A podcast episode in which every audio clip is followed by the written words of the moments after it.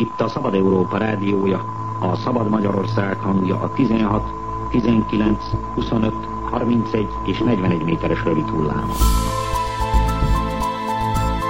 Archívum Podcast sorozatunkban a Szabad Európa Rádió archívumából válogatunk. A Müncheni szerkesztőség időtálló korábbi műsorait hallgathatják meg. Az adás felvételének hangminősége változó, ezen lehetőségeinkhez mérten igyekeztünk javítani. Itt a Szabad Európa rádiója, a Szabad Magyarország hangja. Kellemes rádiózást a Szabad Európával!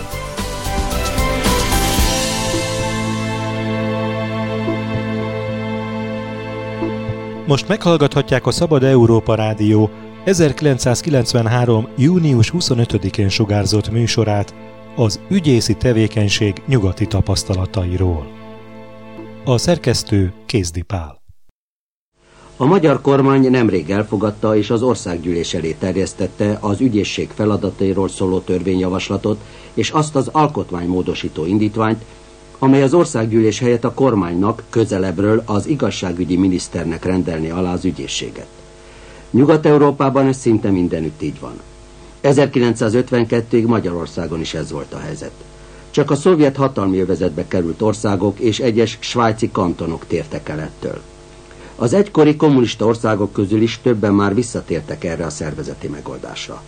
A kormány által benyújtott javaslat szerint az igazságügyi miniszter csak eljárás indítására adhatna utasítást, de megindított eljárások megszüntetésére vagy eljárás mellőzésére nem. Érdemes itt utalni arra, hogy a kommunista pártállam és állampárt annak idején, noha formálisan csak az országgyűlésnek volt a legfőbb ügyész alárendelve, éppen a számára kellemetlen eljárások mellőzésére, vagy a már megindult vizsgálatok leállítására adott titkos utasításokkal avatkozott be, illetéktelenül, az igazságszolgáltatás rendjébe. A törvényesség úgynevezett legfőbb őrét, az ügyészi szervezetet így módon a törvénytelenségek fedezésére, sőt elkövetésére használták.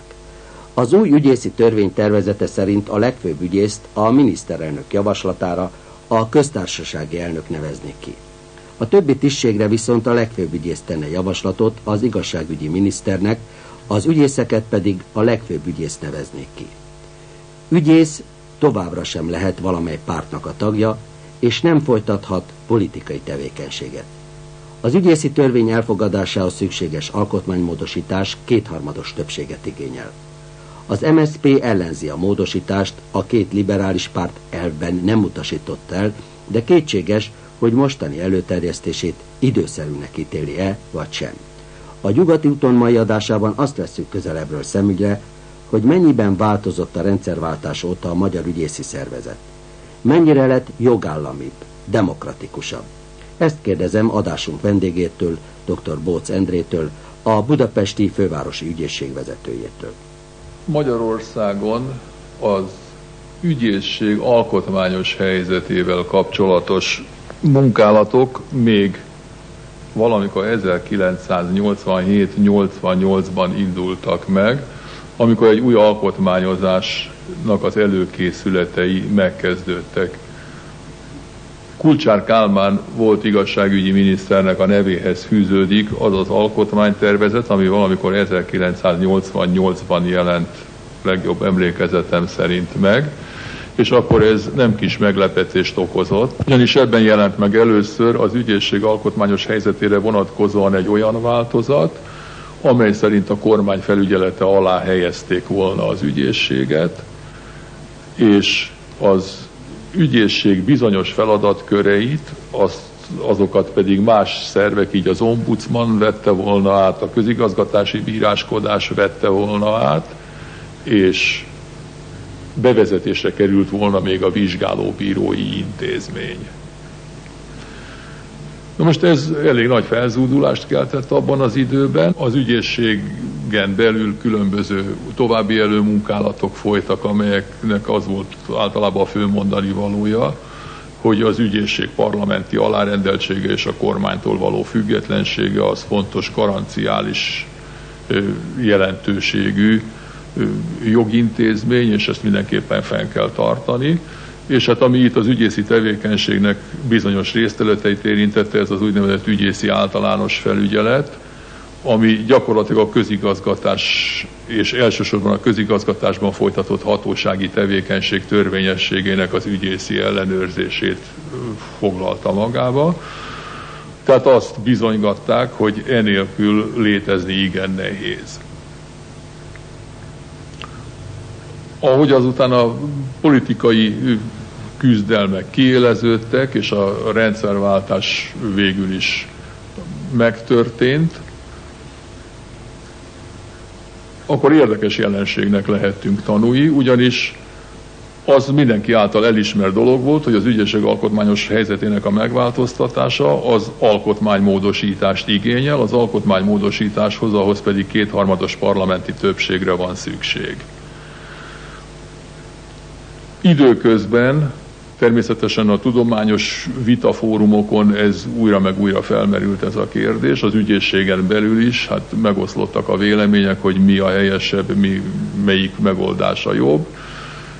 Megjelentek természetesen olyan közlemények, amelyek a valóságnak megfelelően azt közölték az érdeklődőkkel, hogy igaz, hogy a kormánytól független ügyészség a magyar jogrendszerbe úgy került bele, hogy importáltuk a Szovjetunióból, viszont amikor az első magyar ügyészi törvény született az 1870-es évek elején, akkor nem tudom, 12 szavazaton múlt, hogy nem a parlamentnek alárendelt ügyészséget hoztak létre, hanem egy kormány szervként működő ügyészséget, és hogy jeles jogtudósok abban az időben azt hangoztatták, hogy az ügyészségnek a kormánytól való függetlensége az az igazságszolgáltatásnak egy garanciája lenne.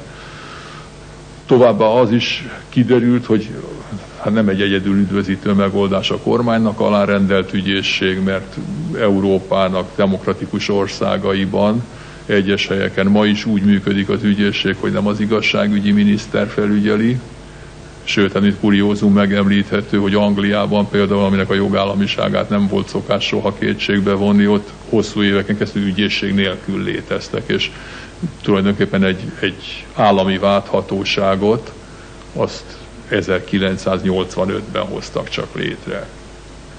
Tehát így mondjuk kitágult az ügyészeknek a horizontja is, megismerkedtek más szervezeti megoldásokkal, a legfőbb ügyész Úr Györgyi Kálmán, akit 1990-ben választott meg az országgyűlés, az beiktatásától kezdve folyamatosan hangoztatta, hogy ő neki tudományos meggyőződése régóta, hogy az ügyészségnek a kormány felügyelete alatt kell működnie, és nem látok ott arra, hogy állásváltoztatását tudományos nézeteinek a megváltoztatásával kapcsolja össze, tehát ő változatlanul azon a véleményen van, hogy ennek így kellene lennie. És azután folytak tovább azok a munkátok, amelyek lényegében az alkotmánymódosítást és az alkotmánymódosításhoz kapcsolódó új ügyességi törvénynek a létrehozatalát szolgálták volna. Most ezek a munkálatok eléggé előre haladottak ma már, olyannyira, hogy van egy kidolgozott ügyészségi törvénytervezet, ami, amit a parlamentnek kellene elfogadni. De ennek az ügyészségi törvénytervezetnek az elfogadása előfeltételezi az alkotmánynak a megváltoztatását, és hát a, a parlamenti viszonyokat tekintve eléggé kétséges, hogy van-e olyan átütő politikai akarat, amely ezt lehetővé tenné. Nevezetesen, hogy az összes megválasztott parlamenti képviselő kétharmada megszavazza-e azt, hogy az ügyészséget a kormány felügyelete alá helyezzék. Most az új ügyészségi törvény tervezete szerint a kormányfelügyelet az olyan formában érvényesülne, hogy a legfőbb ügyészt a miniszterelnök előterjesztésére a köztársasági elnök nevezné ki, az ügyészség az igazságügyi miniszternek a főfelügyelete alatt működne, az igazságügyi miniszternek normatív eszközökkel, tehát rendeletekkel és általános utasításokkal joga lenne ügyészségi feladatokat megszabni, és az ügyészségnek a működését irányítani.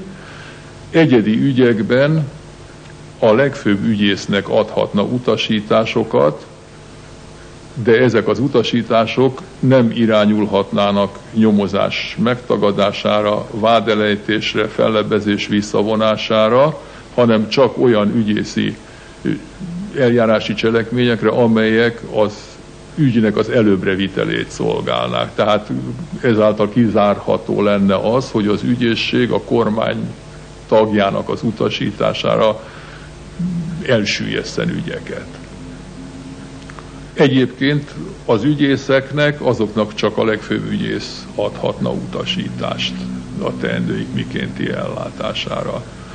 Most már az ügyészi szervezetnek a tagja, tehát az ügyészi kar tulajdonképpen megbarátkozott ezzel az elképzeléssel.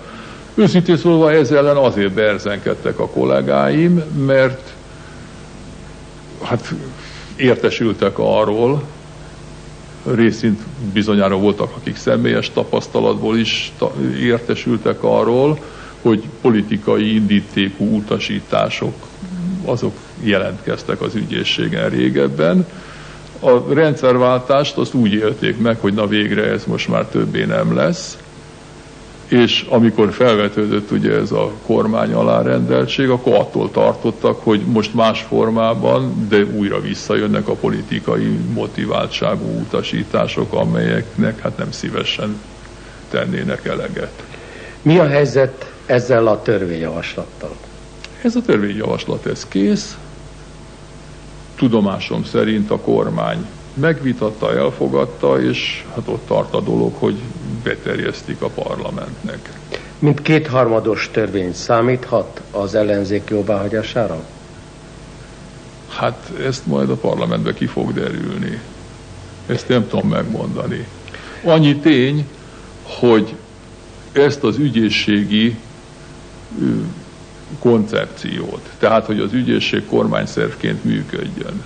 Ezt annak idején az ellenzéki kerekasztal valamennyi tagszervezete elfogadta és a magáénak vallotta.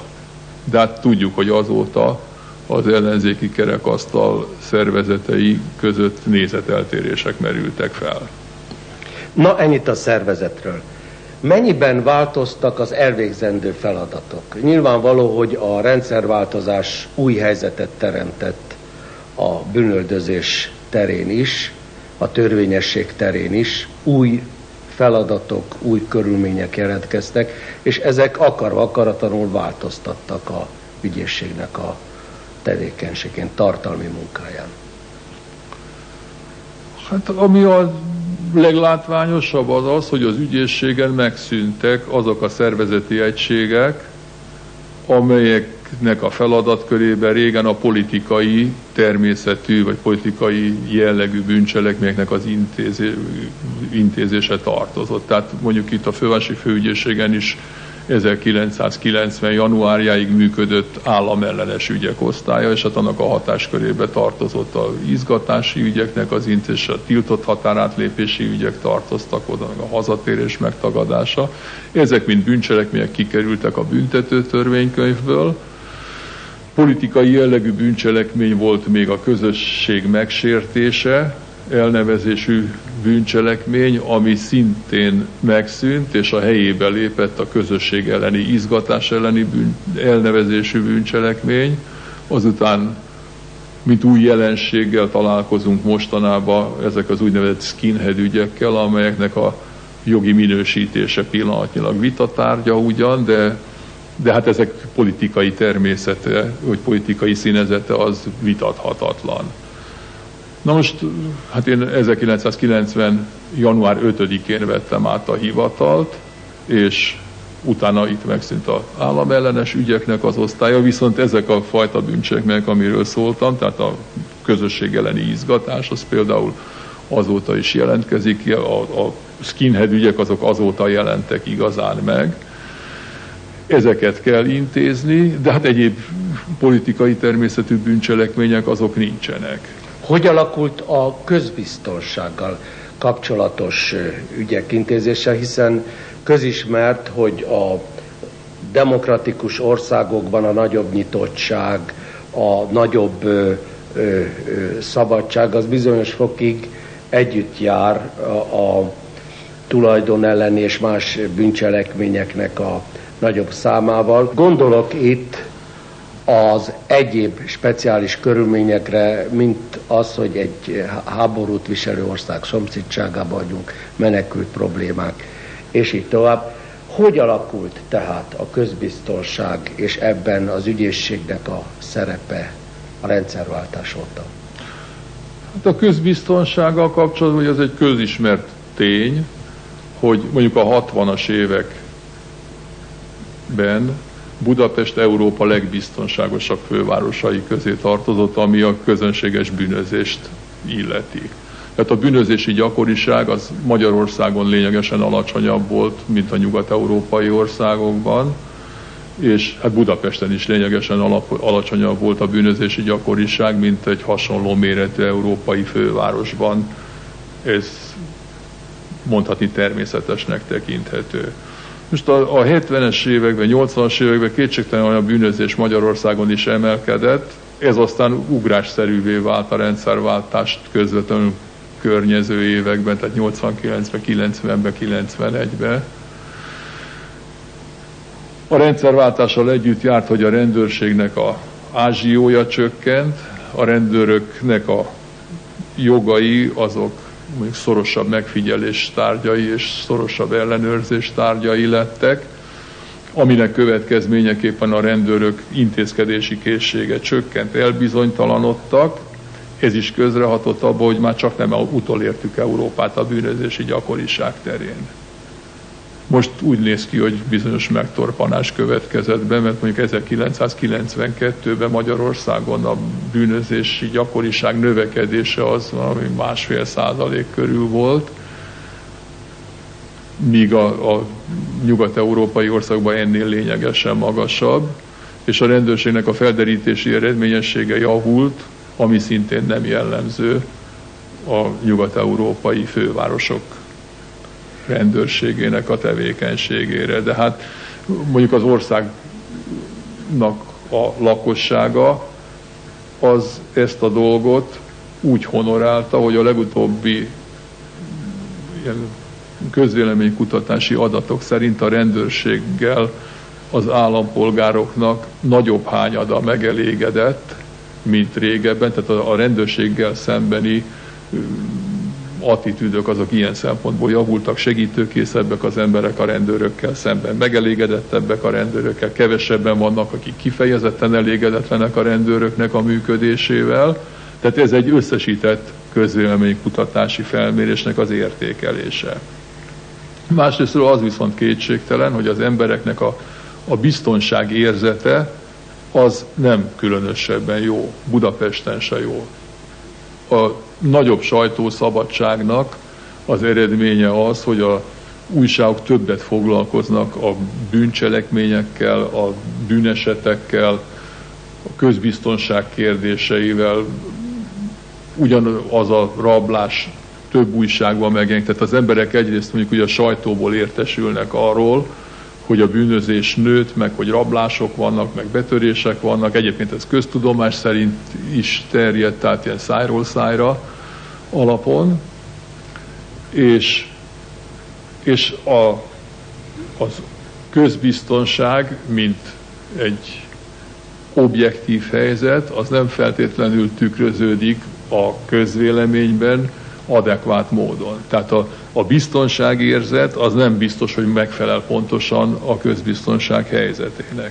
Most az emberek hozzá voltak szokva egy lényegesen jobb közbiztonsághoz, és ezért nyugtalanok. Nyugaton, elsősorban Amerikában nagyon nehéz a rendőröknek és a vizsgálóbíró rendőröknek, mert igen eh, nehéz úgy összegyűjteni a bizonyítékokat, vagy foganatosítani különböző cselekményeket, hogy az úgynevezett evidence valamilyen szabályát, amely egy igen vaskos könyv, ne sértsék. Ha pedig megsértik, akkor már például azokat a, a, a cselekményeket, vagy azokat a bizonyítékokat az el, a bírói eljárás keretében már nem lehet érvényesíteni. Magyarországon természetesen más rendszer van. De miként alakult a nagyobb demokrácia következtében az ügyészség, mint nyomozó hatóság és a rendőrség kapcsolata?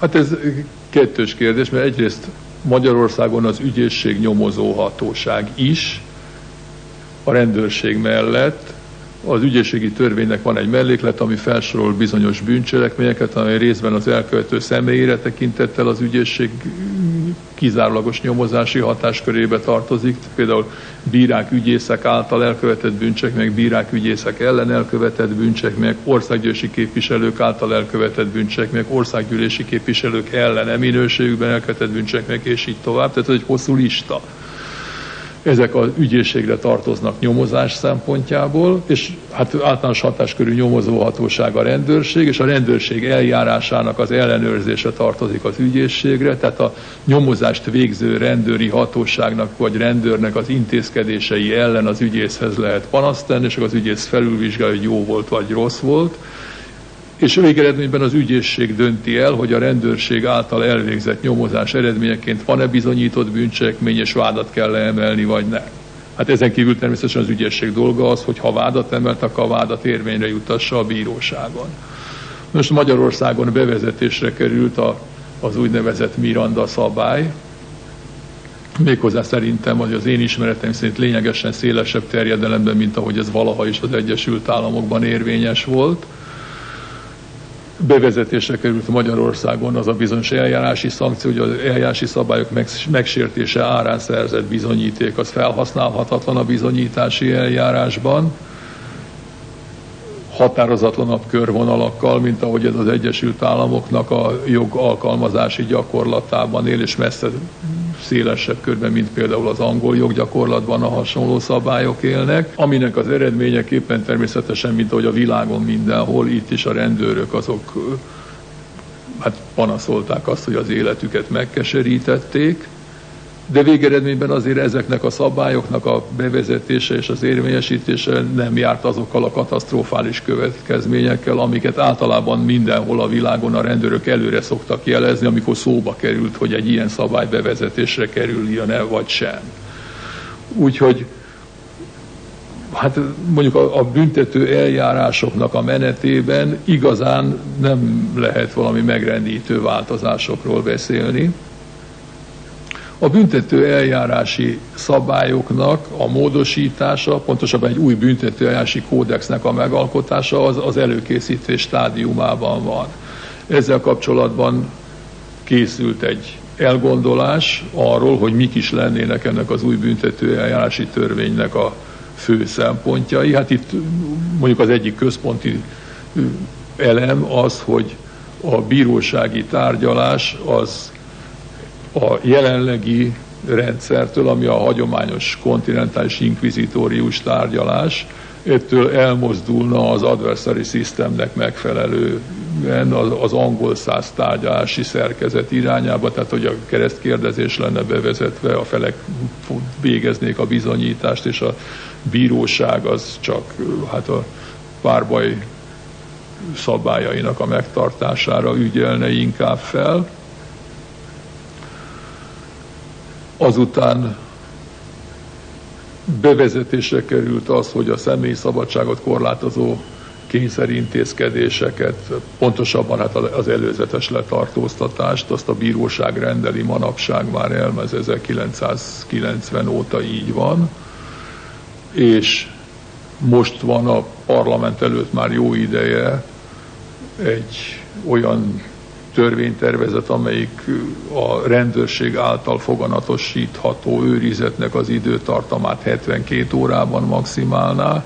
Most van a parlament elé terjesztve, talán már elé, eléje van terjesztve, mert ez többször változott már, a rendőrségről szóló törvény, amelyik a rendőri jogokat újra szabályozná, és összhangba hozná az alkotmányjal, hogy ez a szabályozás törvényben valósulna, meg nem pedig egy miniszteri rendeletben. Tehát ezek mind előkészület alatt vannak, csak ismerve a parlamentnek a zsúfolt munkaprogramját, kérdéses az, hogy mikor lesz ezekből ténylegesen törvény.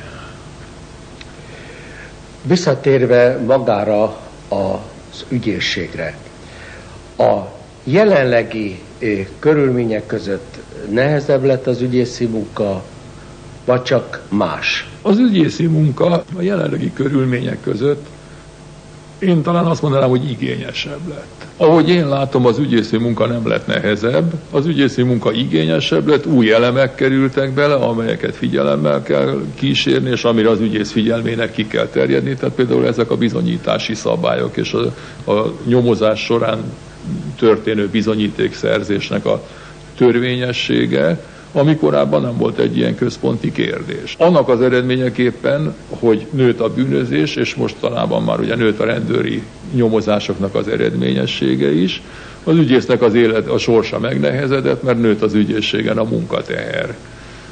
Az ügyészi létszám az tulajdonképpen nem tartott lépést a munkatehernek ezzel a növekedésével, tehát a megállapított létszám sem, és hát különösen nem tartott lépést a tényleges létszám, mert például a fővárosi főügyészség közel 30%-os létszámhiányjal dolgozik.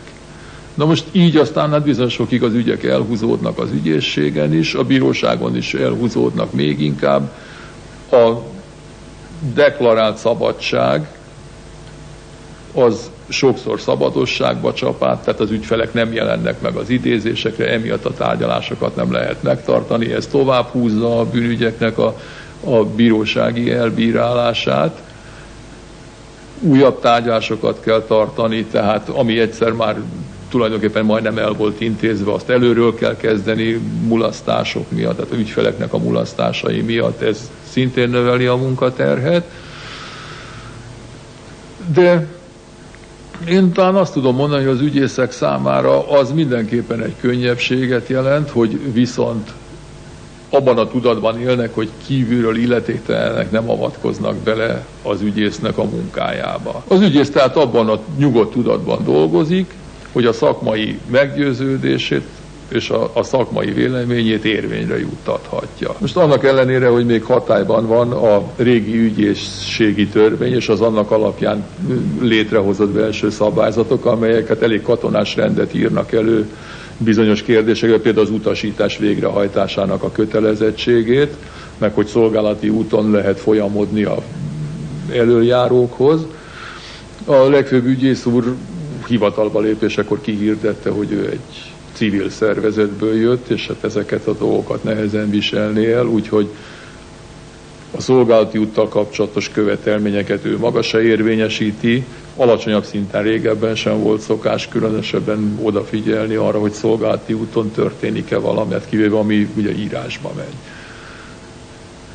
De az utasítás végrehajtásával kapcsolatos követelményeket illetően elvileg már most érvényre juthat az a szabály, ami a ügyészségi törvény tervezetében van, nevezetesen, hogy a, ha az ügyész olyan utasítást kap az utasítás adására egyébként jogosult szolgálati felettesétől, ami a jogi meggyőződésével vagy a lelkismeretével ellentétes, akkor kérheti azt, hogy őt mentesítsék ennek az utasításnak a végrehajtása alól, tehát magyarul adják másnak az ügyet, és hogyha a vezető, aki kiadta az utasítást, az a beosztottai között nem talál olyat, aki, akinek a jogi meggyőződésével, vagy a lelkiismeretével az utasítás végrehajtása összeférne, akkor hát ugye egyrészt akkor elgondolkozhat azon, hogy vajon tényleg jó-e az a elképzelés, amit ő az utasításban kifejezésre juttat, és hogyha ő pedig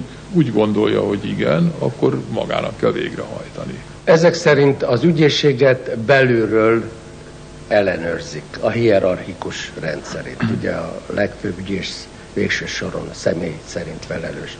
De kívülről ki ellenőrzi az a ügyészséget? A legfőbb ügyészt a parlament választja, és a legfőbb ügyész a parlamentnek felelős. Tehát a legfőbb ügyészhez a parlamentben a képviselők kérdéseket intézhetnek, interpellációt is kérdéseket is intézhetnek a legfőbb ügyészhez, tehát a legfőbb ügyész interpellálható, és azon kívül az előírások szerint a legfőbb ügyész köteles a parlamentnek beszámolni az ügyészség tevékenységéről a parlament igényei szerint.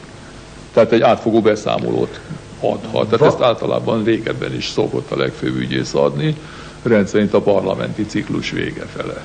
Van-e olyan nyugati rendszerű ügyészség, ahol ez a kívülről való ellenőrzés módszeresebb és, és hatékonyabb. Az én általam ismert rendszerekben a legfőbb ügyész az igazságügyi miniszternek a felügyelete alatt tevékenykedik, tehát a legfőbb ügyész az egy szakalkalmazott. Ennek megfelelően neki nincs politikai felelőssége, az ügyészi szervezet tevékenységének a politikai aspektusaiért, általában az igazságügyi miniszter az, aki a parlamentben felel. Dr. Bóc Endre, köszönöm az interjút. A Szabad Európa Rádió 1993. június 25-én sugárzott műsorát hallották. Szerkesztette Kézdi Pál.